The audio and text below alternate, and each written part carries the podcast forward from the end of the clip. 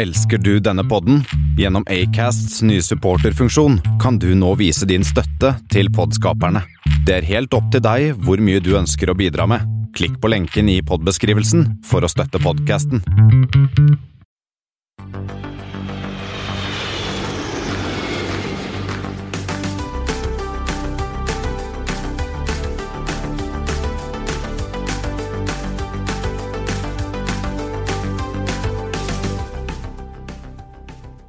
Hei og velkommen om bord på Flypoddens Flight 81. Som vanlig hører du meg, Espen Næss, og Kristian Kamhaug. det har blitt 22. oktober, og vi har tatt turen til Torp for å snakke med Frode Granlund, som er sjef for Pilot Flight Academy.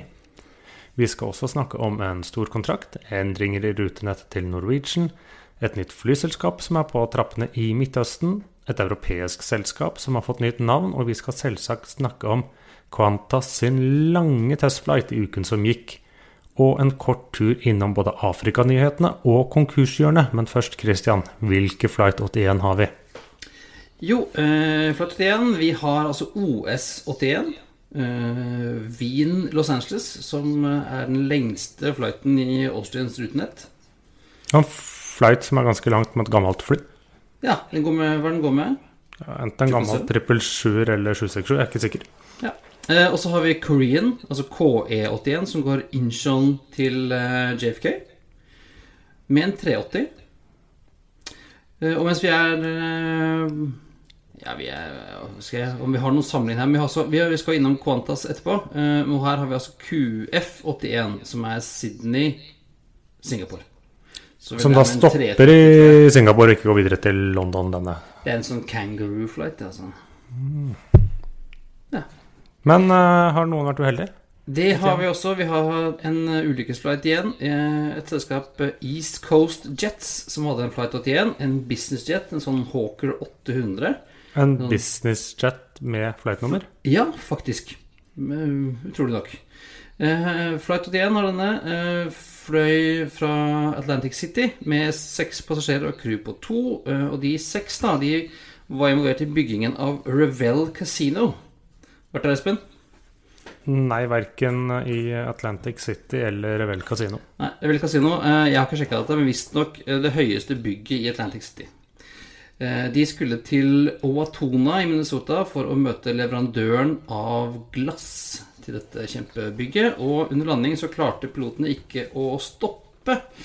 eh, Og forsøkte seg da på en go-round, men eh, kom seint opp igjen, traff landingslysene og endte opp ned en maisåker ca. 950 meter under rullebanen.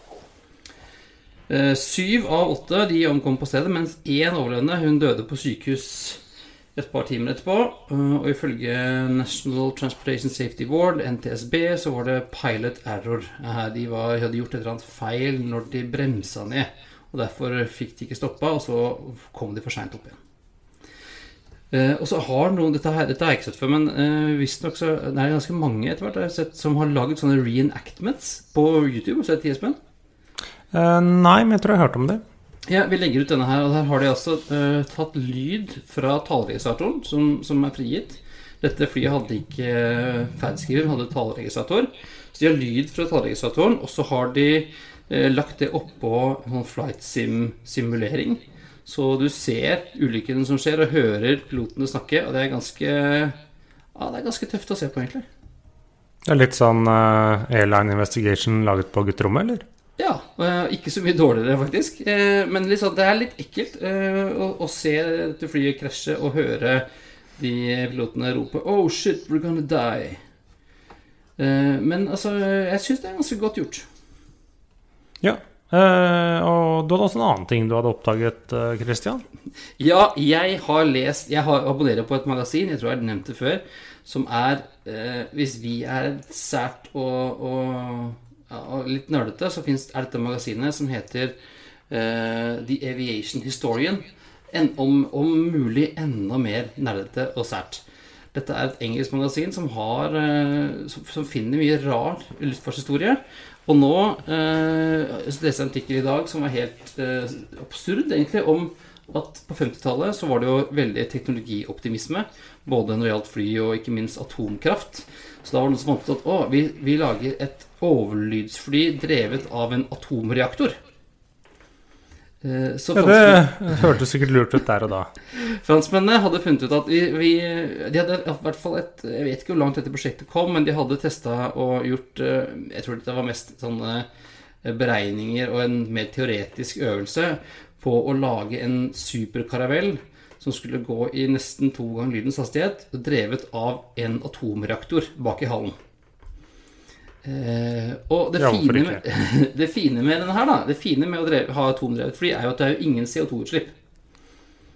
Ja, eller andre egentlig utslipp. eh, Sånn til, Ja, luft, til luften, i hvert fall. Til luft er det Flyr. Nei. De, de, de, de, de vurderte to måter. Den ene, ene måten var å slippe ut faktisk radioaktiv eh, luft ut av flyet bak eh, ut motorene. Det fant vi ut var ikke så lurt. Eh, mens den her var mer en sånn contained type, da. Eh, og det andre er jo at du har jo i teorien ubegrenset rekkevidde. Ja, hvis du kommer deg opp fordi en atomreaktor er vel ikke det letteste du får tak i, er det det, Christian? Nei, det er ganske tungt. Eh, Og, så det var noe av problemet, var at det ble veldig veldig tungt. Og i og med at du ikke forbruker noe særlig av fuelen din da, eh, på takeoff eller mens du flyr, så, så er jo flyet like tungt når det lander som når det tar av. Det er jo det elektriske fly kanskje sliter litt med. Mm, Samme der, ja. Eh, Så de måtte ha ekstra sterke understell. Og det fine var at det store rommet eh, som understellet da gikk opp inn i flykroppen på, der, det var også fungerte som en buffer mellom den kjempe, kjempe varme reaktoren og øh, flykabinen der passasjerene satt. Var selvfølgelig delt av med bly øh, for, det, for å stoppe en del av, av eh, strålingen, da. Bly er jo ikke et vanlig byggemateriale i fly. Eh, Nei, og tungt som søren. Eh, så dette her med, med varmen var et problem. Og en annen problem, eh, som alle vi som har sett Tsjernobyl eh, vet, er jo at det er ikke bare bare å stanse en atomreaktor som har begynt. Eh, så, så det ville skape en del problemer med ganske lange turnaround-tider på en sånn atomdrevet fly. For den jo, måtte jo eh, bruke ganske lang tid på å kjøle seg ned igjen, da, denne atomreaktoren. Ja, For den kunne ikke stå på tomgang. Ja, Det kunne den selvfølgelig gjort, kanskje vært det lureste, men jeg vet ikke Vil du ha Jeg vet ikke hvor smart det hadde vært som hatt en flyplass full av sånn 50-60 atomreaktorer som gikk på tomgang. Jeg vet ikke. om det Jeg vet ikke hvor lurt det hadde hele konseptet i seg selv hadde vært det, Christian. Nei ja, eh, så, så det eh, Og i tillegg så var jo det mest obvise at hva skjer når en, et atomdrevet Når en atomreaktor styrter eh, ned ved et uhell? Hadde Når? vi hatt ganske Ja visst, ikke sant? Ikke, ikke hvis, men den gangen når dette skjer, da hadde vi hatt en masse sånne Tsjernobyl rundt omkring. Så jeg tror det var godt at franskmennene eh, fortsatte å ha dette som en sånn slags teoritest, og ikke bygde et atomdrevet overlydsfly. Det kunne gått veldig gærent. Ja. Men eh, fra gammelt til nytt skal vi begynne på aktuelt, eh, Christian. Ja, eh, vi eh, fikk, fikk jo Snakket vi om det sist? Nei, jeg tror ikke vi snakket om det sist. Men eh, SAS har jo vunnet denne forsvarskontrakten, Espen. Altså kontrakten med å fly Forsvarets personell i hvor mange år? Fire år? Fire år. Norwegian har jo nå hatt denne i tolv, så jeg antar da har de, har de vunnet de tre siste.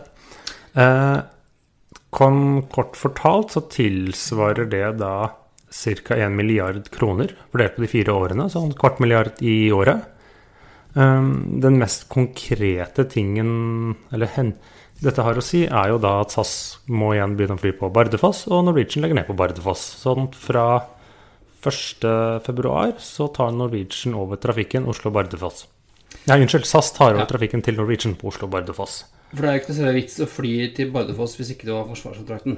Nei, det er ingen tror ikke det er noe annet der. Eh, så det betyr at de flyr opp til er det tre daglige.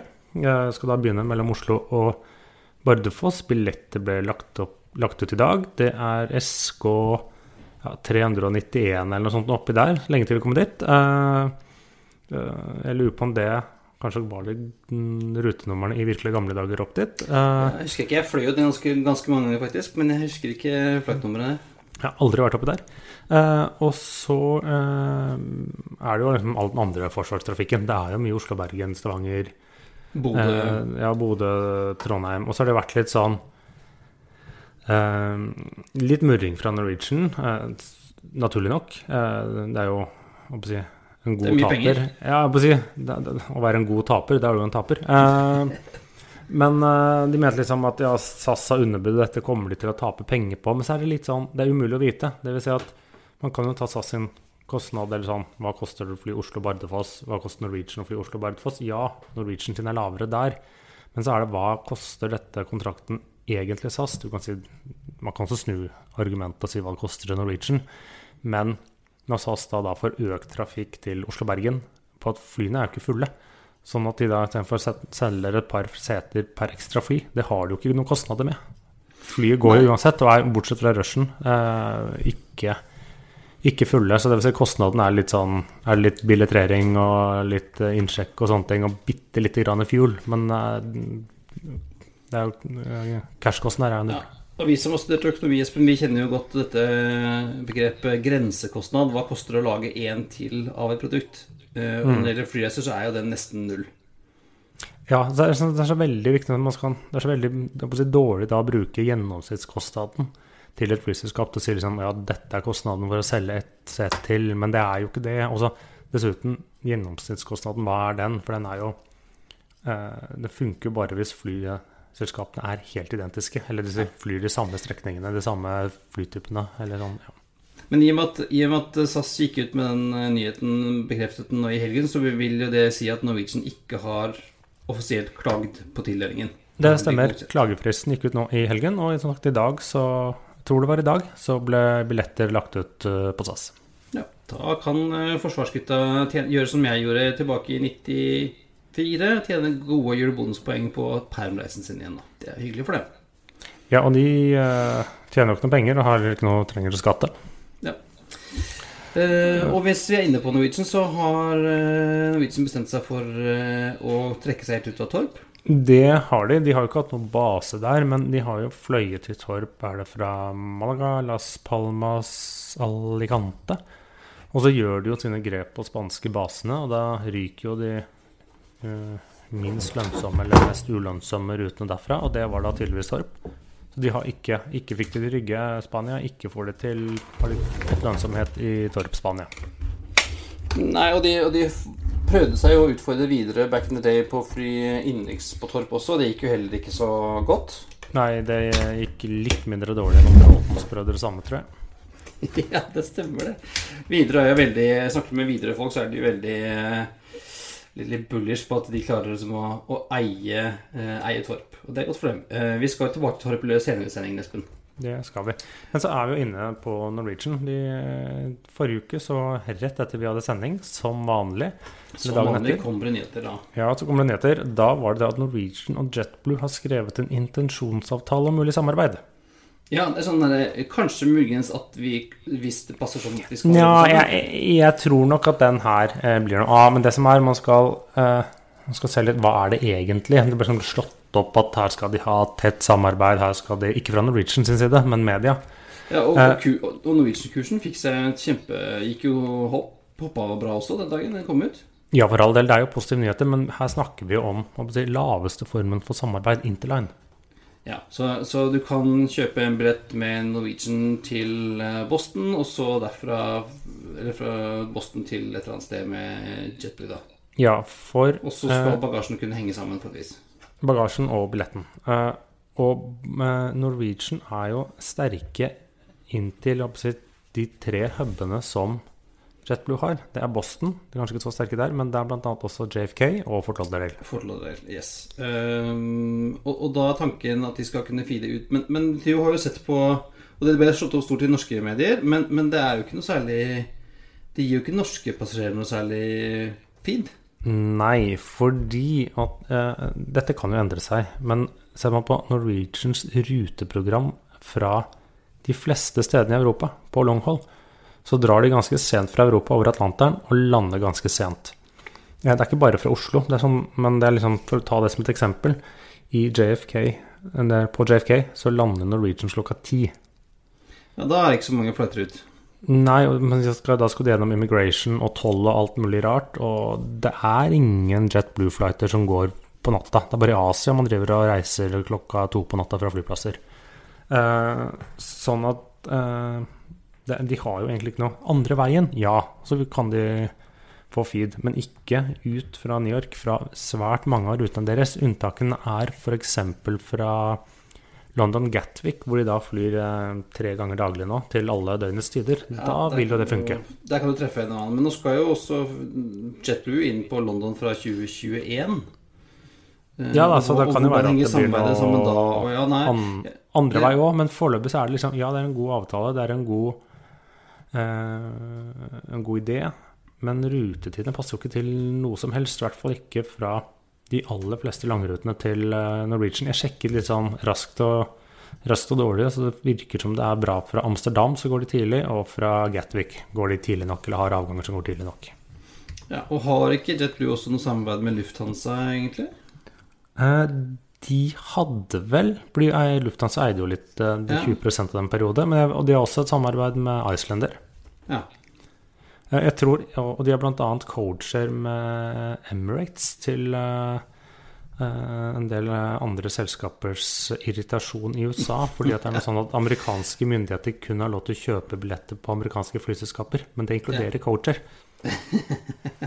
Smart. Ja. Eh, apropos, apropos Midtøsten, Espen. Eh, Etihad har jo nå bestemt seg for å begynne å investere i andre flyselskaper igjen. Det har de jo brent seg på det før. Ja, hva går dette ut på? For det er jo de og Air Arabia som skal gjøre noe sammen.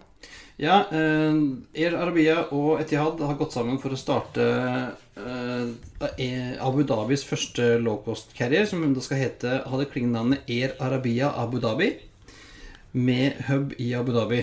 Kan det være at dette egentlig bare blir markedsført som Air Arabia? Slik som Eh, alle de andre Air Arabiene, for de har jo en sånn ja. er det i Egypt, i tillegg til den hovedstaden nede Ja, i Sharjah. Ja, så det, er nok, det kommer nok til bare til å stå Air Arabia på det. Akkurat sånn som Air Asia står det jo Air Asia på, uansett om det er Indonesia eller Thai eller eh, hvor det er for noe. Mm. Eh, Men det er altså et, et ønske fra, fra myndighetene i Abu Dhabi om å få enda flere fly inn til Abu Dhabi. Eh, Jeg har ikke sett noe om flåte, men jeg tipper at det blir eh, A320-er, i og med at det er det som Air Arabia har fra før av. Ja, i hvert fall hvis vi skal ha noe på kort sikt, så er det for det er hvert fall Ja. ikke noe maks. Nei, nei, det skal vi ikke ha. Eh, apropos det, Espen. Flyr, flyr maksen ennå? Nei. Nei, det har vi gjort ferdig med den. Ja. Eh, så det jeg har ikke sett heller liksom, hvordan fordelingen er. Jeg tipper at eh, Etihad kommer til å eie sånn 51, og så kommer Air Arabia til å eie de 49% ekstra. Eh, og da har vi da både et lavprisselskap i Abu Dhabi, i Air Arabia, og så har vi da eh, Fly Dubai i Dubai, da. Ja, som da samarbeider med, eh, Med Emirates. her. Emirates. De har faktisk samme eier, så det Ja, ja, ja. Så um, vi får se eh, hva som skjer der. Jeg så forresten at uh, Etihad hadde sluppet et nytt sånn logojet i dag. Så den? Ja, den er blå for eh, Veldig kul hale for Manchester City. Er det noe sånn samarbeid eller noen eh, sponsorat eller noe der, eller? De sponser, eller lokale prinsen sponser eh, den fotballklubben. Slik at de kan bruke penger de egentlig ikke har. Ja, igjen, som igjen. Men jeg så også det, jeg synes det var veldig fint eh, fly. Synes det var fine farger. Kledde, kledde det. At det var noe fotballgreier, det bryr jeg meg ikke så mye om. Men eh, apropos Airbuser, eh, Spøen. Eh, Delta har ute og handla litt. Ja, eh, de, eller de er i hvert fall veldig Dette kan man ta som et signal at de er fornøyd med sine A330-900, som de nå har begynt å få. Neone. Neone, ja. Eh, du har jo ikke Du har jo ment den har kanskje vært en skuffelse, eller i hvert fall salgsmessig. Men eh, når Delta da de hadde bestilte først 25, økte de med 10 til, til 35 maskiner. Og så har de nå fått fire maskiner, og er da tydeligvis såpass fornøyd at de har signert en avtale med ALC om at de skal lyse ytterligere to. Så da får de 37 maskiner av dem. Jeg blir ikke forundret om det kommer flere. Og de skal framskynde leveringene. sånn at de skulle liksom Jeg tror egentlig skulle bare få var det en tre maskiner i 2020, men nå skal de få sju. Det, skal disse her erstatte 330-ene eller 767-ene? De til nå har erstattet mest 767-ere, slik jeg forstår det. Ja, det- 330 er ikke det er ingen 330-er som har forlatt flåten ennå. Og det er jo ikke de som er de eldste der heller. Ja. Nei, så det er nok en eh, spiker i kista på Boeings eh, NMA, da. Ja, bortsett fra disse brukes jo litt sånn lengre distanser. Jeg lurer på om vi skal bruke det en del på Transpacific og sånne ting. Men apropos dette flyet, eh, da 330-900 Selv om de si, egentlig har litt forskjellige behov eller litt forskjellig bruk, så er jo dette en glimrende erstatter på sikt både til eh, SAS sine 330-er i dag, og ikke minst Thomas Cook Skandinavia, hva nå de kommer til å bli hetende i framtiden, sine 330-er. Ja, for de begynner å bli ganske gamle. Ja, eh, de til Thomas Cook er vel en snart 20 år, og så er det vel en 17-18 de til SAS. Ja, ja.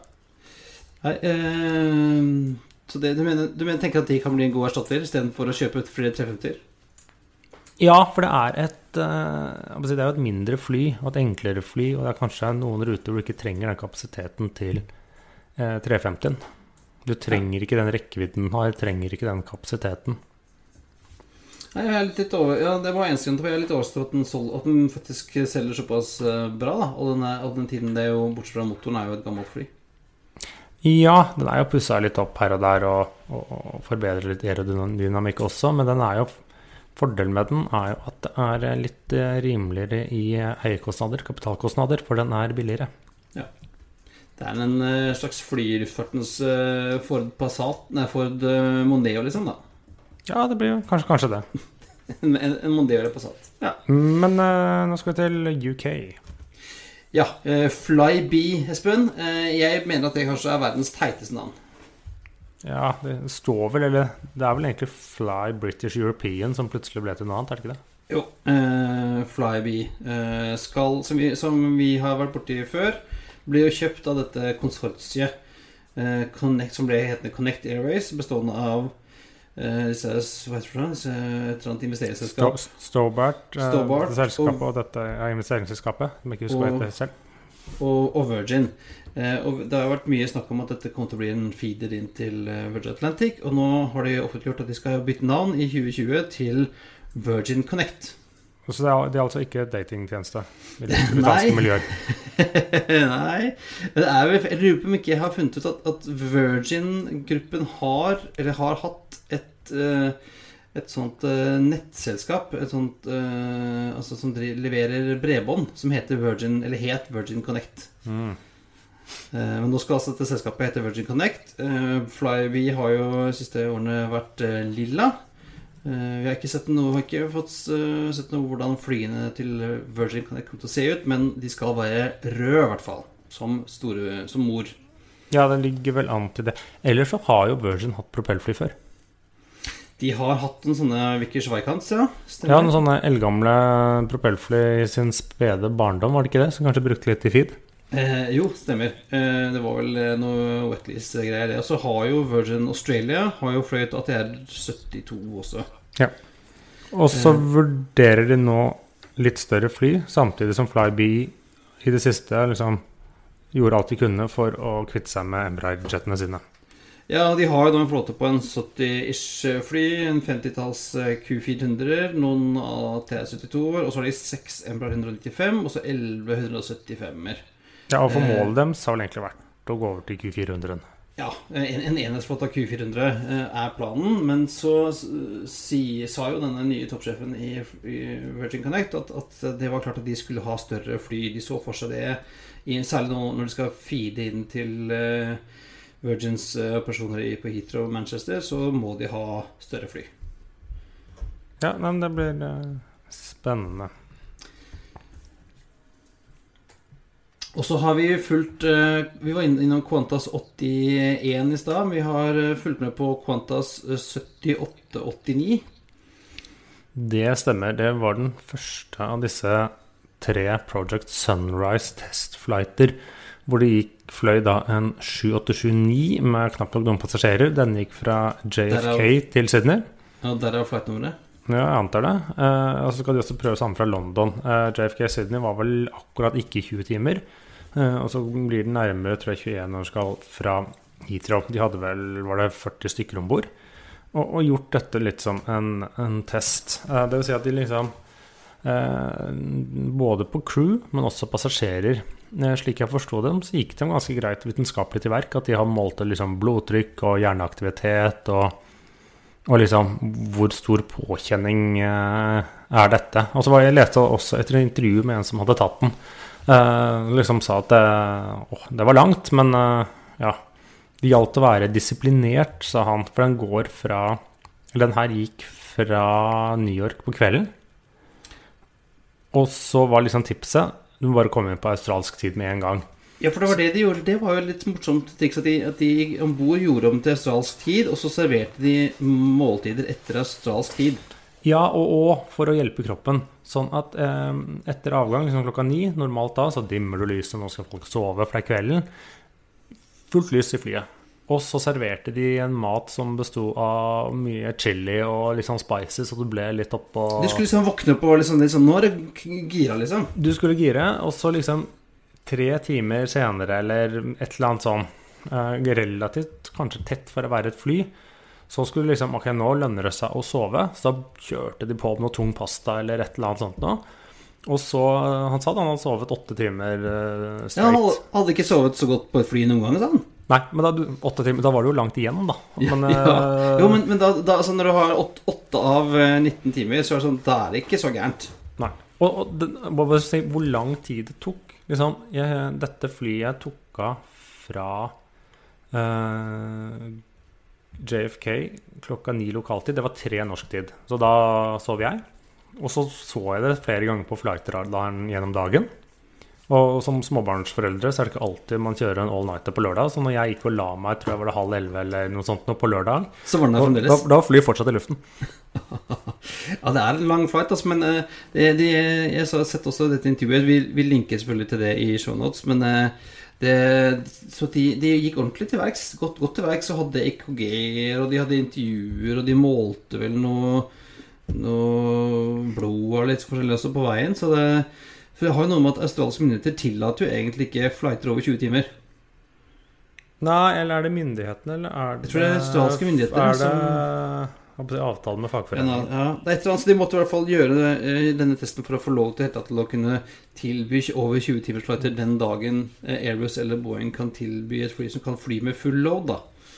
Ja, og han eh, Joyce, som han heter i uh, Qantas-sjefen, han eh, virket bare positiv etterpå og sier at ja, i 2023 så kan vi selge billetter her. Ja, Han, eh, han ble, vel- han ble visstnok eh, observert i pysjamas, eh, tassende rundt eh, på flighten der. Nygift som han er. Gifta seg, vet du, for ikke så lenge Å siden. ja, ja, det visste jeg ikke. Ja. Eh, Så, så, det egentlig fryd og gammen. Det så ut som det var et, eh, en bra test. Vi, eh, om noen fra Kvantas hører på, så blir vi gjerne med på den neste flighten fra Heathrow til Sydney. Det stemmer.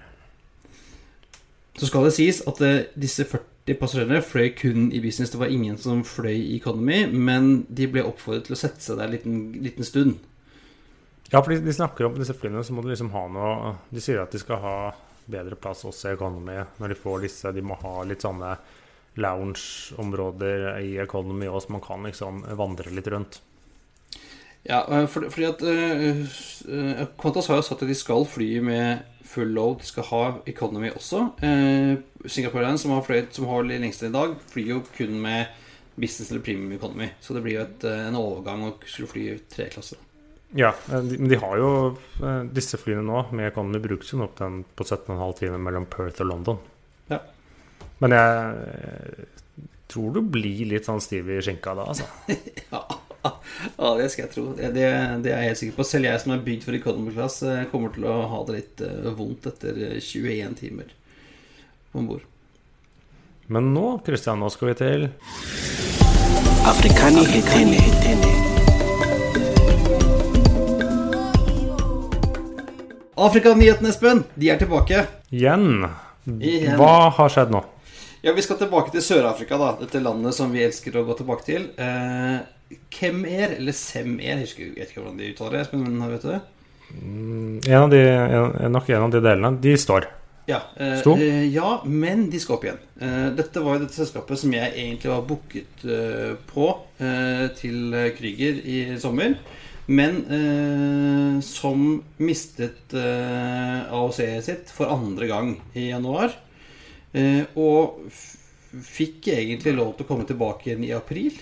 Eh, men da hadde jo eh, AOC på alle flyene deres gått ut. Så da måtte de gjennom en ny prosess for å få lov til å fly igjen, da. Eh, og nå skal visst syv hvert fall, av 21 fly være lovlig å fly. Eh, og så krangler de litt med myndighetene, som de mener har satt den på bakken ulovlig. Men altså Det er Man er jo Det skal være ganske alvorlig når luftfartsmyndighetene velger å, å trekke lisensen din og sette deg på bakken. Ja. Og igjen, jeg fløy fra Johannesburg, så så jeg jo hele flåten deres stå sånn hulter til bulter borti et hjørne på flyplassen der. Så jeg, er egentlig fornøyd med at jeg fløy SA Ekspress, jeg, og ikke Semer eller Kemmer. Kemmer, dem Kemmer, du. Mm. Men ja. uh, en liten tur til Mosambik også? ja, Mosambik. Fastjet. eh, vet ikke om jeg snakket om de før, Espen. Fastjet er jo yes, Noen som forsøkte seg på EasyJet i Afrika. Ja, for det er jo til og med noen Jeg tror de har Han, han Tony, han gamle, han gamle eieren av Stelios, Stelios. Eh, han tror jeg har vært involvert i dette. I hvert fall så har de leid ut noen navn og liksom forskjellig. Eh, Fasit har jo prøvd seg som en slags Air Asia-blanding i, Afrika også, med forskjellige selskaper satt opp i forskjellige land. Eh, og nå har altså Fasit i Mosambik gitt seg. Ja, de, de det virker som de ikke helt får det til.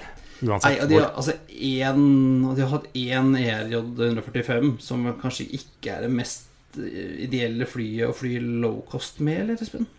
Nei, kanskje er egentlig ikke low cost de da flyr, eller? Nei, altså uansett, det har ikke, det har ikke funka så godt for, eh, for dem i Mosambik. Har fått juling av Etiopien, visstnok. Og de er jo venner av oss. Ja, for de sa jo når eh, Du har jo disse lokale selskapene der som heter LAM Mosambik, eh, som har fløyet i alle år. Uh, og så kom da også uh, da Etiopien inn med sitt selskap, og da var det liksom Ok, nå må vi bare gi opp med vår, vårt ene lille fly.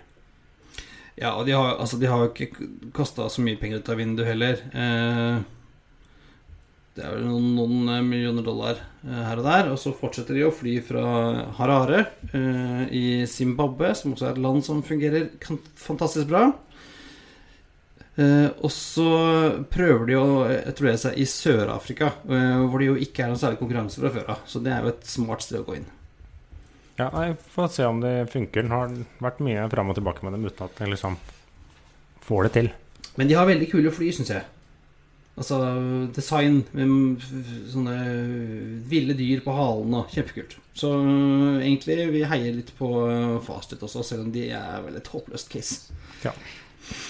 Eh, og apropos håpløse case, Espen.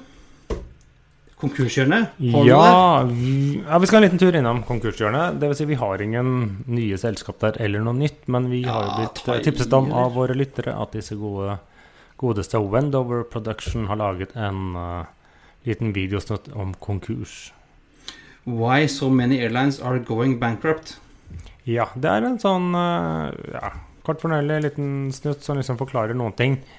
um, Kan, eh, gå, litt si, grovt, du... gå, litt grovt, til verks. Eh, litt sånn altså liksom, Hvorfor går de gjerne konkurs i, eh, på høsten? Litt sånn, Det er da det er tomt for penger. Eh, hvorfor er det mye flere som går konkurs i Europa kontra andre land? Eh, og forklare litt sånn enkelt og, ja, om det. jeg så den forresten på Jeg var hjemme alene med, på på fredag så satte jeg ned med den, tok meg en liten øl, spiste litt potetgull og så litt YouTube om konkurser. Det er fest i det nes, nes, nessianske hjem. Da, da, blir det fest. Da blir det fest. Jeg snakker, apropos konkurser, så snakket jeg med en gammel venn av meg i, som jobber i reiselivsnæringen, kan vi si, for å være litt sånn, for ikke å avsløre så mye. Han uh, snakket om at noe av liksom, problemet de sliter med, da, er jo at Eh, I gamle dager så bestilte jo folk reisene sine veldig, veldig tidlig. Mm. For sommeren 2020 eh, så har du fleste allerede bestilt for lenge siden. Mens nå bestiller folk mye mye seinere. Og du og jeg som er økonomer, vet jo at du kan, du kan klare deg med litt dårlige marginer hvis du har god cashflow. Ja, men, men hvis du har dårlig cashflow og dårlige marginer ja. Folk eh, så, så, Som Ving og, og Tui og de, da, de booker opp hotellene i god tid forveien og betaler, betale, betale som en depositum der. Og så kommer ikke bestillingene før sånn langt utpå våren. Ja, for ikke snakke om at de mest de sannsynlig taper penger på det de gjør på vinteren. Ja. Som de da skal tjene om sommeren.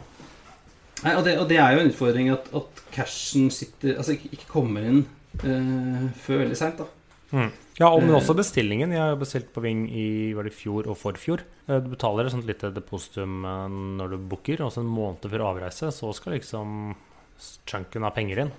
Ja, ja, Så det hjelper ikke med forhåndsbestilling. Det vil si du har jo en garanti, eller ikke en garanti, men du har litt mer stor, større sannsynlighet for at du får en penger siden. Men ja. Ja, men det verre er jo når, når bookingene kommer så seint, da. Mm. Så har du, da har du vanskelig for å vite hva som kommer inn også. Ja, øh, det var det. Skal vi, jeg, vi må bare vi må dele et lite bilde også som jeg, som jeg fant på Twitter. Og det er av øh, Emmanuel Macron og Angela Merkel og en hel masse andre folk som spiser lunsj. Uh, og det gjør det jo statsleder av og til, men det som er spesielt her, Espen, er hvor spiser lunsjen sin. I en Airbus A350, eh, for å være helt nøyaktig, i MSN3, en av disse testmaskinene som nå brukes til sånn testmaskin for vedlikehold, slik jeg har forstått det. Ja, så det er jo som ikke Det er et langbord inni en rimelig ribba flykropp hvor, hvor ledninger henger og Ja, men vi, Hadde de invitert oss, hadde vi blitt med, vi òg. Vi hadde blitt med. eh, Vi hadde nok vært litt mer fornøyd enn det Angela ser ikke så veldig fornøyd ut. Nei, men de har ikke skjenka i glassene ennå. Og basert på hva de drikker av, så er det ikke sånn KrF-sk eh, som står for lunsjen der. Nei, det er nok ikke Det er nok ikke to glass med forskjellig vann i dette her som kommer etter hvert. Det, det, det er fotografen ikke med. Så derfor, kanskje da hun er litt mer fornøyd når hun får det tingene i glasset sitt. da Det kan jeg skjønne. Men eh, Espen, vi eh, var på tur sist helg. Du og jeg Nei, ikke sist helg. eh, nå på fredag. Du og Mm. jeg og Traineen. Traineen. Eh, han har blitt hvor gammel har han blitt nå, Espen? Elleve måneder. Elleve måneder. Ja, han, han surret på gulvet mens vi eh, snakket med Frode Granlund, og han er sjef for Pilot flyskole, eller Pilot Flight Academy. Mm, nede i Sandefjord. Vi fikk jo først en omvisning av egentlig hele anlegget. Ja, og Det var stort. Du, det var svært. Det var jo to svære bygg. Var det, hvor mange? 5000 kvadratmeter eller noe sånt? 5000 kvadratmeter var det mm, 100 ish. Jeg sier den jo selv. Hvor mange som ansatte var. Det var over 100 ansatte. 300 studenter. Ja, 300 studenter. Eh, De hadde jo til og med bygget sånne Vi var ikke der inne der, da, men du så på haugen der med utsikt over rullebanen. Hadde de bygget sånne studenthybler. Som så de- fresh ut, i hvert fall fra utsiden. Ja, og skulle bygge enda mer, visstnok. Ja, for de skulle jo ha inn masse mennesker. Og det så En ting som liksom var gjennomgående når vi var der, da, var at dette var skikkelig ordentlig. Det var, Ja. så, det var jo ikke noe støv noe sted. Dette var liksom veldig shina. Flyene var nyvaska, det var én ting, men alt så liksom fresht og eh, Fresht og seriøst og rett og slett eh, solid ut, da. Ja, og alle studentene gikk i uniform. Alle gikk i uniform, det var ikke noe tull. Nei, Det syns jeg var kult. Eh, Med hvit skjorte, slips og mørke bukser og de så, det, det, det, så- det så ordentlig ut. Mm. Og så hadde han jo grei utsikt fra kontoret sitt, da, selv om det var tåke. Ja, vi, og, det, og det er jo også opptaket som du hører, så har vi i hvert fall én Ryanair takeoff og en Widerøe takeoff også, tror jeg, som du hører gjennom eh, vinduene. Ja, for det er jo hadde sånn Er det, gulv til eh, hel, Vindu i helfigur som bare var rett ut til rullebanen på Torp. Ja, det var fint. Det var fint. Eh, og vi fikk Vi var inne og kikka litt på for litt forskjellige klasserom. Vi var inne og kikka på simulatorer. Både denne skyte... Nei, jo, Jo, simulator. Ja, og sånne par sånne Diamond-simulatorer. Ja, for det er sånn Diamond-fly de har. Og nå trengte de vel også en 320-simulator, hadde de begynt å snakke om, selv om de er litt dyre, da. Så kjempespennende. Vi, jeg tror vi bare hopper rett til eh, det opptaket. Nå har vi kommet oss ned til Torp i tåka, Espen og jeg og Ludvig. Ja, det var Ludvig her, skal si hei. Og så har vi møtt deg, Frode. Kan ikke du kort introdusere deg selv? Hva heter du, og hva gjør du?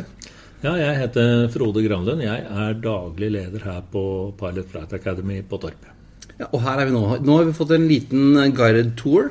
Dere har to bygninger, og eh, en hangar har vært inni og kla- klappa på noen fly, Espen. Ja, det, var, det er stort her. Ja, vi har eh, faktisk over 5000 kvadratmeter her. Så vi har jo ja, hva er det, seks-syv klasserom. Vi har eh, litt over 20 fly. Eh, fire simulatorer her, og så har vi to simulatorer til på Notodden. Så Ja, stort, ja. Alt i alt så er vi jo nå 375 studenter og 110 ansatte her. Kunne du bare fortelle litt sånn kort om Pilot Flight Academy? Jeg syns det er fint med navn som sier hva du blir, da. Altså, vi, gikk- vi gikk ikke på Siviløkonomhøgskolen, vi. Nei, vi gjorde i grunnen ikke det. Nei, vi het jo holdt på å si diverse navn da vi starta. Opprinnelig så skulle vi jo starte på Notodden og hadde navn derfra også her. Men så skifta vi navn til Pilot flyskole. Det tror jeg var kanskje i 2011 eller så. Eh, Så ble vi jo veldig internasjonale etter hvert. Da fikk mange studenter fra andre land. Først Sverige, Finland, og så har vi jo nå studenter fra 17 land. Så eh, flyskole ble litt uh, lite forklarende, så da ble det for en fire-fem år siden Pilot Flight Academy. Ja. Så det var litt utviklingen på navnet. ja. Og dere har holdt på siden Ja, 2008 faktisk. I januar da fikk vi godkjennelsene våre fra Luftfartstilsynet. Og i dag er dere, en, er dere den største flyskolen i Norge? Ja, definitivt. Vi er jo en av de aller største. I- Definitivt størst i Norden, og en Ja. av de største i Europa. Ja. Så har dere operasjoner her, Torp, og så har dere Notodden, og så har dere noe på gang i utlandet, har jeg skjønt. Ja, vi skal starte opp i Ungarn. Kjempespennende. Vi har blitt invitert av eh, myndighetene i Ungarn, regjeringen, til å starte en flyskole der. Det er jo et stort pilotbehov i Europa, og særlig i Sentral-Europa og Øst-Europa. Flyselskapene der rekrutterer jo nyutdanna piloter fra Skandinavia, Vest-Europa. Setter de på baser i Sentral-Europa og Øst-Europa, men folk vil jo hjem. Og etter kanskje to år i Ryanair i Budapest, så kommer folk hjem og begynner i SAS og Norwegian, og de går til andre selskap i Europa, på denne siden av Europa. Så flyselskapene har et stort behov der, og så er det ikke en høykvalitetsutdanning i den delen av Europa. Og i tillegg så har det ikke vært noe studiefinansiering. Men nå har eh, ungarske myndigheter kommet til oss og sagt at de kommer med en 100% finansiering til eh, studenter fra Ungarn og fem naboland som vil ta pilotutdanning der. Og noe sånt har jo ikke vært tidligere, så flyselskapene er jo kjempeglade for dette. Og dette skal vi sette i gang nå i første kvartal neste år. Ja. Spennende. En norsk bedrift som eksporterer eh, piloter omtrent. Ja. Ja, og vi har jo tidligere hatt oppi 40% utenlandske studenter her. Nå eh, satser vi mer mot det norske skandinaviske markedet de siste årene. Men vi har fortsatt studenter fra ja, Singapore, Thailand, Vietnam, eh, rundt om hele Europa. Så ja, i dag 10% utenlandske. Men eh, vi kommer nok til å se den delen øke veldig mye. Vi har også ja, studenter fra eh, utdanningsprogram for EasyJet og Air France her òg. Ja, for jeg forstår det som du sier nå, at eh, de som går her nå, er det en sånn god blanding mellom de som hva skal man kalle det, tar utdannelsen på ja, eget initiativ eller eget, eh, egen bok, kontra er det da flyselskap som da sender sine typisk kadetter eller lignende hit. Så det er en miks av det. Til en viss grad. Uh, Whitetail, som vi kaller de på nynorsk. De Ja. som da ikke er på et utdanningsprogram med, flyselskap. Eh, det er i dag eh, 95% av de studentene vi har. Man tar en utdanning, og så søker man de flyselskapene. I andre deler av Europa så har det blitt mer og mer vanlig med kadettprogram. Og vi er faktisk i prosess med fem, seks, syv flyselskap nå å ta kadettprogram.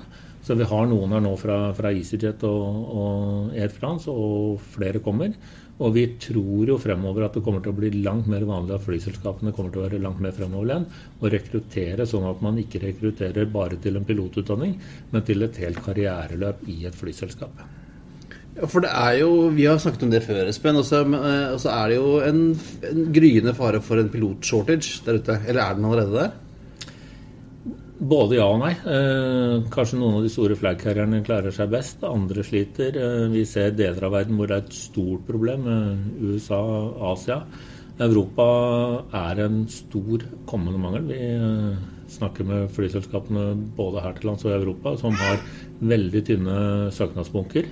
Så og det er en mangel, og det kommer til å bli enda mer krevende. fordi utdanningskapasiteten i Europa er jo bare halvparten av hva behovet er. Så øh, Derfor så er det langt flere flyselskap nå som kommer med kadettprogram. Ja. Og tidligere så var det sånn Når jeg, når jeg vurderte om jeg skulle bli pilot, så var det sånn, da var det Forsvaret som var eh, inngangen. Nå finnes det jo tydeligvis mange mer muligheter, men det er jo Forsvarene utdanner vel færre folk enn de gjorde før òg? Ja, Hvis du går tilbake til 60-70-tallet, så utdanner jo Forsvaret kanskje 50-100 piloter i året. Eh, Sverige er oppe i 200. Og det var jo en kort eh, pliktperiode før man kunne gå til flyselskapene. Så det var jo en helt naturlig rekrutteringskilde da. I dag så utdanner Forsvaret kanskje 8-10 piloter i året, men de ønsker å beholde de gjennom hele karriereløpet. Det koster jo Forsvaret opptil 50 millioner å utdanne en pilot, så det er klart at de vil ha de gjennom resten av karrieren. Så den eh, delen som var en viktig utdanningsvei for en del år siden, den er eh, så å si tørket helt bort. Ja, og da er det sånne som dere som overtar. Ja, og så før så var det jo noen flyselskap som hadde egne flyskoler. SAS hadde jo i Bardufoss den som etter hvert ble NAC og overtatt av Universitetet i Tromsø nå, men det er jo i liten skala. Eh, I eh, Holland så har jo KLM en flyskole. Og der har de hatt kapasitet til 40 studenter. De har økt det til 60 nå. Men KLM sier at de trenger 400 piloter hvert år fremover. Så de selskapene som har det, har heller ikke nok til å dekke sitt eget behov av piloter fremover. Hvor mange utdanner dere i året? Sånn ferdig? Klart? Ja, nå er vi jo 375 her, og utdanningen tar to år. Så vi, vi, i hvert fall neste år så kommer det ut en 170-180 nyutdanna piloter derfra. og vi skal øke antallet. Vi er jo etablert på Notodden nå og skal ha flere klasser der. Eh, og Du var inne på det før vi gikk i runde, Espen. Men eh, mange, mange piloter utdannes jo i USA, i Florida. For det er jo, jeg Når vi ser ut av vinduet ditt, så skjønner vi kanskje hvorfor. For at nå er det jo ingen som flyr. For nå er det, var det Hvor mye sitt var det? Under 200 meter? Ja, og sånn er det å drive i Norge, at det fins en del dager vi ikke får fløyet. Men til gjengjeld da, så er det jo sånn at det er like mange dagslystimer på Lodden som hvor du er. Så om sommeren har vi det veldig fint. Med de støysvake flyene vi har i dag, så har vi fått lov av myndighetene å fly nesten døgnet rundt, fordi at det støyer ikke så mye. Vi skal også over på elektriske fly snart, som ikke støyer i det hele tatt. Så vi mener det er store fordeler å drive pilotutdanning i Norge. I tillegg så lærer man seg å fly i litt ulikt vær. Men ja, vi har noen dager på vinteren som er utfordrende, men det får vi ta med som en del av pakka. Men det er vel også dette været mange av de som blir utdannet her, vil møte? Og det er korrekt. Vi hadde noen studenter her fra EasyJet, faktisk. Og de hadde tatt første del av utdanningen sin på New Zealand. Og de hadde aldri fløyet i skyer. Så en dag så var det overcast i 3000 fot, sånn skydekkene lå på 3000 fot. Og studentene ville fly, men ingen av instruktørene som heller hadde fløyet i skyer noen gang i virkeligheten. De hadde bare fløytet simulert. Så de kom hit og var på en dag som var nesten som i dag, og det var, været var på minima, som man sier. Akkurat helt på det laveste skydekket man kunne ha for å fly og lande. Og de syntes det var fantastisk gøy og lærerikt å få prøve det i virkeligheten. Så sammen litt med Florida. Mange gode flyskoler og, og mange gode piloter har kommet derfra. Men, men, de har jo sjelden prøvd å fly inn i skyer, faktisk. Og ikke er det så mye terreng å ta hensyn til heller. Nei, det er det nok her, da. Vi gikk jo i hangaren i stad, og der sto det jo De så ganske kliss nye ut, disse Diamond-flyene. To motors og én motors? Ja da. Vi har ja, er det 21 fly nå. Og de, vi prøver å ha de to-tre år, og så skifte ut så vi har nye fly hele tiden. I tillegg så er vi nøye på å holde de rene og blanke og fine. Det syns vi er viktig at vi holder ting i orden. Ja, for det, Ser man på flyselskapene rundt omkring, så hadde jo dere langt renere fly enn hva man ser på flyplassene. Det så ut som det var noe dere prioriterte. Så. Ja, jeg tenker i hele tatt uh, ordning og reda. Altså holde orden og ryddighet, og at det er uh, det er en del av det man skal ta med seg når man blir pilot. Ja, og vi, vi gikk rundt her og kikka litt. Og du hadde, du tillit til de 40 flyene, så har du tre simulatorer her? Eh, tre Diamond-simulatorer, ja. og så har vi én Boeing 737-simulator. Ja. Så, de, så de begynner, begynner der? Og så var det mye klasserom også, så jeg? Ja, utdanningen går over to år. Ja, kan ikke du gå litt, sånn kort gjennom, gjennom, løpet? Vi er jo, Espen og jeg er jo økonomer, så vi, dette har vi jo ikke vært borti før. Nei, utdanningen er over ja, ca. 20 måneder. Vi skal prøve å effektivisere og få den ned i 18 måneder, faktisk. Eh, utdanningen er først nå 8-9 måneder teoriundervisning, hvor man skal igjennom 14 teorieksamener til dette som heter ATPL-teorieksamen. Eh, når man har gjennomført disse 8-9 månedene og bestått alle eksamene, så skal man i gang med flyprogrammet, som er totalt ca. 230 fly- og simulatortimer. Så da går de si, neste ni månedene til det. Ja. Og da, når de er utdannet og fått sertifikatet sitt, så er det, er det sånn, Da går de fleste inn i trening, ny trening hos flyselskapene og sånn? Ja, vi, eh, da kan man gå rett til flyselskapene. Før så var det sånn at man måtte ha kanskje 1000 eller 2000 flytimer for å søke jobb. Sånn er det ikke lenger. Nå er det det vi kaller kompetansebasert utdanning, hvor man da er trent på å gjøre det man skal i flyselskap. Og man går rett fra skolen til flyselskap. Så må jeg skyte inn at vi gjør hva vi kan for å rekruttere mange instruktører òg. Vi har eh, mange av våre nyutdannede som instruktører. I tillegg så har vi rekruttert nå tre stykker som har vært piloter i Emirates og sluttet der, og begynt her som instruktører. Eh, folk har sluttet i Ryanair, eh, SAS, Widerøe, Norwegian for å begynne her som heltid. Vi har faktisk verdens beste lønns- og arbeidsbetingelser for flyinstruktører. Det er vi veldig stolt av.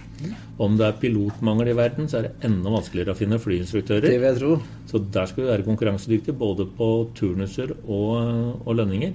Så vi er veldig glad for å trekke fra flyselskapene, men vi rekrutterer også en god del av de nyutdanna til, til å jobbe hos oss, for vi vokser og trenger mange instruktører. Ja, Og de som er utdannet da, de trenger jo penger til å betale studielånet. For det er jo ikke, det er jo ikke gratis å betale pilotutdanning. Nei, dessverre så er det ganske kostbart. Det er jo veldig mye én-til-én-undervisning.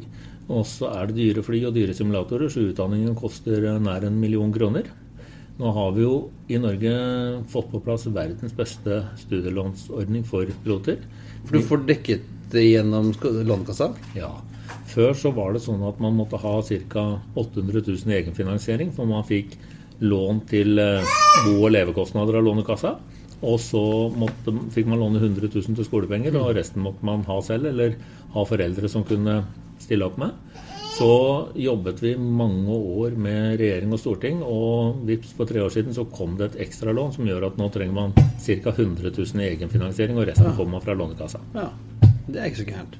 Nei, det er fantastisk. Det betyr jo at de som er best egnet til å ta en pilotutdanning, kan ta den. Eh, tidligere så var det sånn at eh, vi gikk glipp av mange gode talenter som gjorde kjempegode oppdragsprøver, men som dessverre ikke hadde en finansiering til å ta utdanningen. Så må jeg si det at når man har tatt utdanningen, så er jo det er bare to år, eh, så er man klar til å gå i jobb. Og man tjener godt som pilot, selv på begynnelsen, og det stiger ganske godt utover. Så hvis man sier at man har en million i, i studielån, så kan man jo sammenligne med andre yrker som kanskje tar fem år. Så har man kanskje like mye i studielån, og så tar det, tar det da fem år før man begynner å jobbe i stedet for to år. Ja, det, det, vet, det kjenner vi til, Espen. Ja da, vi har gått fem år, vi, så det, begge to. Eller jeg tror bare fire, faktisk. Det var før du måtte ha fem for å bli syvøk. Nei, så ta med det regnestykket at man faktisk eh, får jo da tre år mer i yrkeslivet og på en, på en god eh, lønnsstige. Ja, og nå er det jo, eh, som vi var inne på, rimelig godt marked for utdannede piloter. Eh, Det var jo ikke sånn i gamle dager, som for 10-12 år siden, hvor det var vanskelig å få jobb. Folk som eh, jeg kjenner som ble pilot og begynte å kjøre buss istedenfor, for det var jo ikke noen pilotjobber å få. Men nå står det ved flyselskapene og, og omtrent utafor døra di og hanker dem inn. Ja, eh, nå er det faktisk et eh, par av våre studenter som har fått jobb videre før de var ferdig på skolen her. Så det er en voldsom endring. Da vi startet for eh, 10-12 år siden, så var det jo absolutt ikke sånn. Det var vanskelig. Og noen ivrige sjeler tok utdanning, og de sitter jo nå i gode posisjoner i selskapene fordi de var i, var i posisjon til å søke, søke når de åpnet. Men eh, det snudde virkelig for skal vi si tre-fire år siden. Og nå kommer det til å bli en enda større mangel fremover. Men vi gikk rundt her og så, så var det jo Vi så jo mest gutter. Ah, det var jo litt synd at dere har den oppfatningen. Men, Men vi er, så noen jenter òg. Ja. Så hvordan er sånn fordelingen mellom menn, menn og kvinner i studentbasen din? Det er kjempeutvikling. Før så har vi sagt at vi har hatt noen få prosent jenter, men det har vært så få at det har vært vanskelig å regne prosent. Men av de som startet nå i høst, vi startet ca. 120 nye studenter i høst, så var det faktisk 20 kvinnelige studenter. Og nå ser vi vi har mange søknader liggende til august 2019 allerede. Og der er vi over 30% kvinnelige søkere. Og det er fantastisk morsomt. Og det er ingen grunn til at jenter ikke skal bli piloter. Nei, det er jo veldig, veldig, det er, det er veldig positivt. Ja, jeg har møtt så mange jenter som har sagt det at eh, jeg har lyst til å bli pilot, men jeg tror ikke det er forenlig med et familieliv å jobbe som pilot. Men de har jo jobbet i kabinen i alle år, på samme turnus. Hvorfor ikke sitte foran og drikke kaffe og tjene tre ganger så mye, i stedet for å løpe bak deg med umulige passasjerer? Det er liksom, Hvis du har sett den reklamefilmen som KLM kjører nå, så er det jo da denne ender jo med at barnebarnet til hun begynner med, er jo blitt pilot, eh, kaptein i KLM. da. Så det er jo ikke noe, det ikke noe ulempe for jente heller. Altså, det er jo, altså, Det er et stort initiativ internasjonalt for å få flere kvinner inn i bransjen, også som teknikere. Det er eh, så stort behov for eh, alle kompetanser innen luftfart at vi kan ikke se bort fra halve befolkningen. Det er dere som har podden, så kan jo jeg stille et spørsmål. Vet dere i hvilket land i verden som har den høyest eh, kvinnelige andelen med piloter? Nei. jeg, jeg, jeg, jeg vet at Etiopien er alltid, alltid flink til å vise fram sine kvinnelige crew på kvinnedagen, så jeg vil si Etiopia, vil jeg si. Det er faktisk India. De har India? 20 kvinnelige piloter i kommersiell luftfart. Man skulle, man skulle liksom tenkt at, den- at Skandinavia er langt framme, men, men det er jo sjelden at jeg møter på en kvinnelig pilot når jeg er ute og flyr. Ca. 5 sier vel både SAS og Norwegian. Men eh, vi ser at eh, med den store økningen vi har med kvinnelige studenter, så er det klart at det kommer til å øke fremover. Og det er positivt. Det liker vi. Det er bra. Eh, vi, var inn, ja, vi var inne på disse flyene som, er, som du visste oss de er, er moderne. De bruker mye mindre drivstoff enn tidligere fly og bråker mindre. Så du få mindre klager fra hytteeierne ute på Tjøme. Men dere har jo også bestilt elfly, har jeg skjønt. Ja, og det har vi hatt et mål om å gjøre de siste par årene. Vi visste at vi skulle gå til elfly så fort det var mulig. Eh, og så er jo denne utviklingen med elfly helt i begynnelsen, der hvor kanskje elbiler var for ti år siden. Og vi tenkte at vi ikke skulle ha en buddy. Eh, buddy var jo et konsept, og sånn har kanskje de første elflyene vært òg. De flyene vi skal bruke, de må jo være typesertifisert og godkjent til eh, eh, kommersiell bruk. Så vi visste at det ville ta litt lengre tid. Vi har sett på mange flytyper. Og nå har vi bestilt ti fly fra tyske prosenten som heter Flight Design. Flyene er i testfase, og de vil ikke være ferdig sertifisert før sommeren 2021. Men da skal vi være klare til å ta de i bruk, og det ser vi virkelig frem til. Og grunnen til at dere gjør det, er både fordi at de bruker mindre At de er billigere drift, tenker jeg, og så er det at vi har ingen utslipp. Jeg vet ikke om det er billigere drift, fordi vi kommer til å trenge flere fly. fordi det vil jo ta lengre tid å lade batteriene enn å fylle drivstoff. Ja. Eh, Det vil være en stor overgang for oss både på teknisk side, teknisk vedlikehold og teknikere som skal trenes, og piloter. Så det kommer til å være en stor investering. Eh, Nå kommer kanskje strømkostnaden til å være noe lavere enn drivstoffkostnaden, men eh, jeg er ikke helt sikker på at det økonomiske regnestykket på de første elflyene vil være lønnsom, men det er den veien vi må gå. Vi må tørre å gå foran, og vi mener at flyskoler er det første stedet man vil kunne bruke elektriske fly. Vi flyr fra A til A. Vi kan fly en time når flyene går en time, vi kan fly to når de går to, og vi har all ladeinfrastruktur på ett sted. Så her skal vi være med og gå i bresjen. Ja, og så er det Dere har egne kurs også planlagt for elfly, har jeg skjønt. Ja, det blir egne utdanningsprogram. Eh, Vi skal nå lansere et, det som heter et MPL-program, som er et eh, litt annet utdanningsprogram, hvor vi skal bruke bare elektriske fly og simulatorer. Dette skal vi lansere på den store EATS-messen i Berlin eh, i siste dagene i oktober. Og da skal vi ha flyet på standen, og da kan vi faktisk lage en nullutslippspilotutdanning med elektriske fly og simulatorer. Spennende. Kjempespennende, og luftfart får vel kanskje unødvendig mye kritikk for miljøet. Hvis man ser at eh, luftfart står kanskje for 2 av de globale utslippene på, på CO2.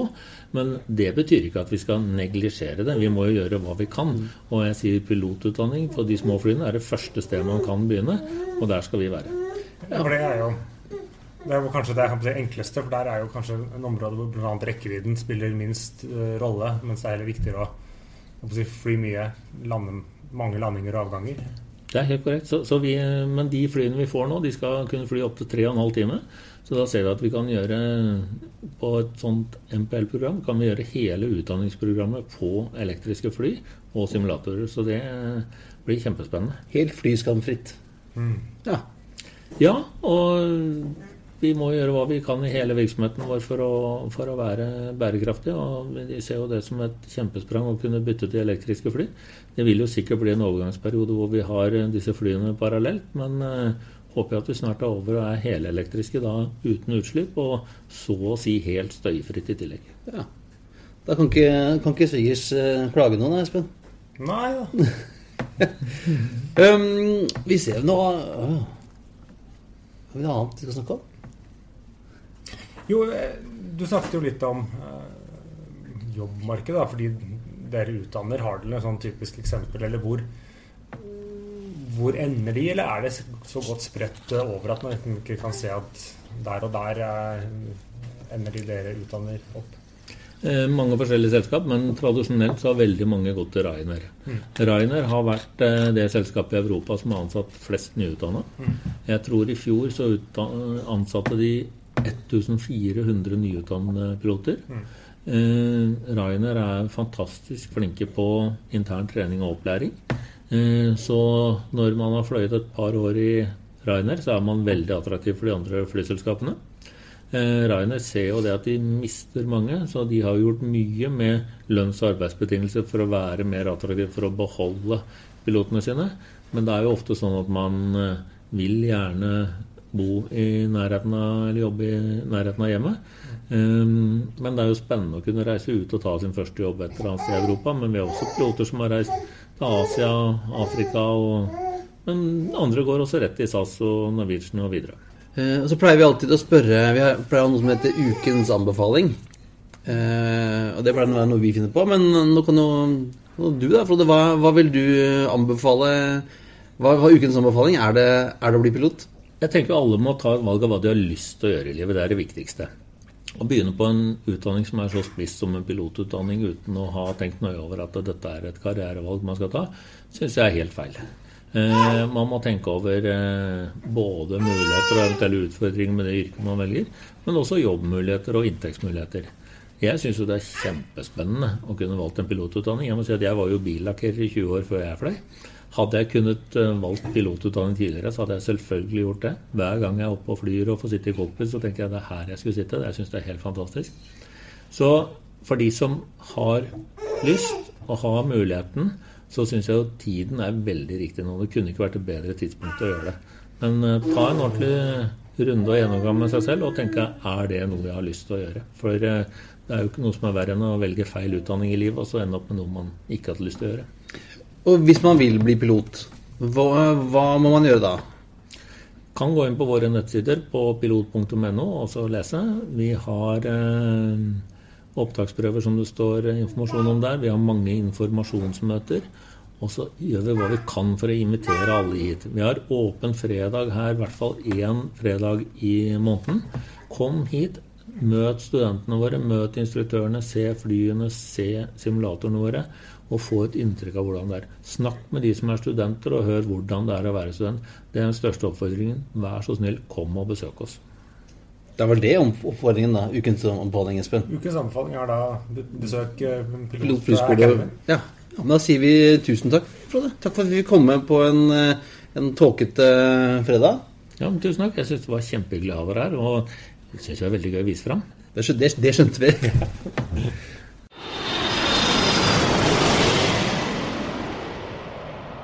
Ja, og da fikk jo også eh, Frode med seg eh, ukens anbefaling.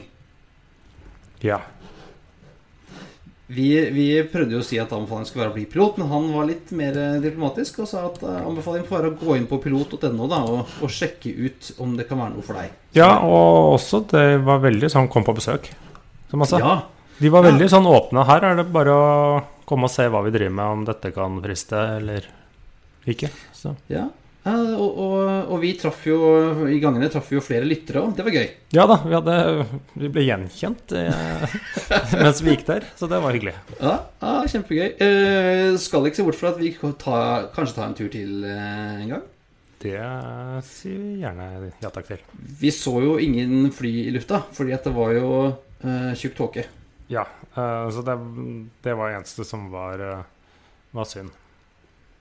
Ja, men eh, da sier vi at det var, var det dagens eh, flypod, Espen. Det var det, og det er med andre ord tid på å feste setebeltet, rette opp stolryggen og sikte En gang til. Det var det. og Det er med andre ord på tide å feste setebeltet, rette opp stolryggen og sikre fri sikt ut av vinduet ettersom flight 81 er på vei inn for landing. Som vanlig finner du linker og bilder på flypodden.no, og du finner oss på facebook.com slash flypodden, på atflypodden på Twitter og Instagram, og vil du sende oss en liten hilsen eller spørre om noe eller gi oss tips eller et eller annet annet, så er det bare å ta kontakt på halloatflypodden.no. Ja, Skal vi si ha det best, da, eller? Nei, jeg er ikke svensk. Nei, ok. Men da, ok. Én, to, tre. Ha det bra. Ha det bra. Ha det bra, Espen. Husk, jeg er en person Hvis jeg, sier noe ok, så er det bra. We truly appreciate your business and look forward to serving you on a future flight.